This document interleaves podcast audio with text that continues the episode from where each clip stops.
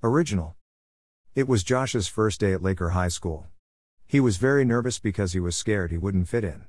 Just then, he bumped into some people called Jonathan and Bryce. Jonathan and Bryce were those guys. Those cool kids who everyone admired and looked up to. But most people knew them as the school bullies. Poor Josh didn't know what he was going through at the moment. Suddenly, Bryce said, Oh, hey, new kid. Hi, said Josh nervously. So are you going to give us your lunch money or what? said Jonathan. What do you mean? said Josh scared. Don't you get it? We're the school bullies, said Bryce. So you're too broke to get it yourself, bullies. said Josh, standing up for himself. You'll regret this. We will make your life as hard as possible, said Jonathan with rage. Control your temper, said Josh. Okay.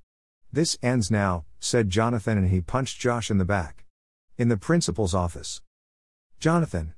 How dare you punch a student and a new one too, said the principal. What? He deserved it after what he did, said Jonathan. Um, I did nothing, Jonathan. You and Bryce came up to me and demanded for my lunch money, said Josh angrily. Unfortunately, this is not the first time this has happened, said the principal. Jonathan and Bryce, you are suspended for one week, said the principal trying to stay calm. Wait, what no? The school dance is in three days and I can't miss it, said Jonathan. Yeah. We challenged a bunch of jerks to a dance battle, if we don't show up, they will think we are chickens, said Bryce, trying to argue with the principal. Well, then, you should have thought about that before you went punching people, said the principal with fury.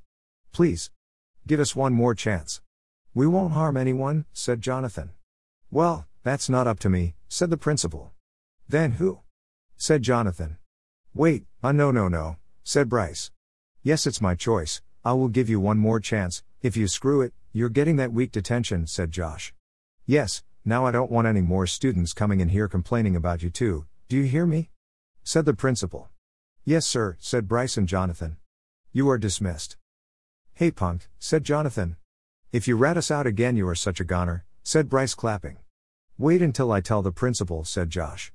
Not if you're not there, said Jonathan and Bryce, looking at each other, nodding. They picked Josh up. And, they ran out of the school. What crazy people, said Josh. Want to know where they kept Josh? News Story 27th March. By AOTSW and AO Stories Original.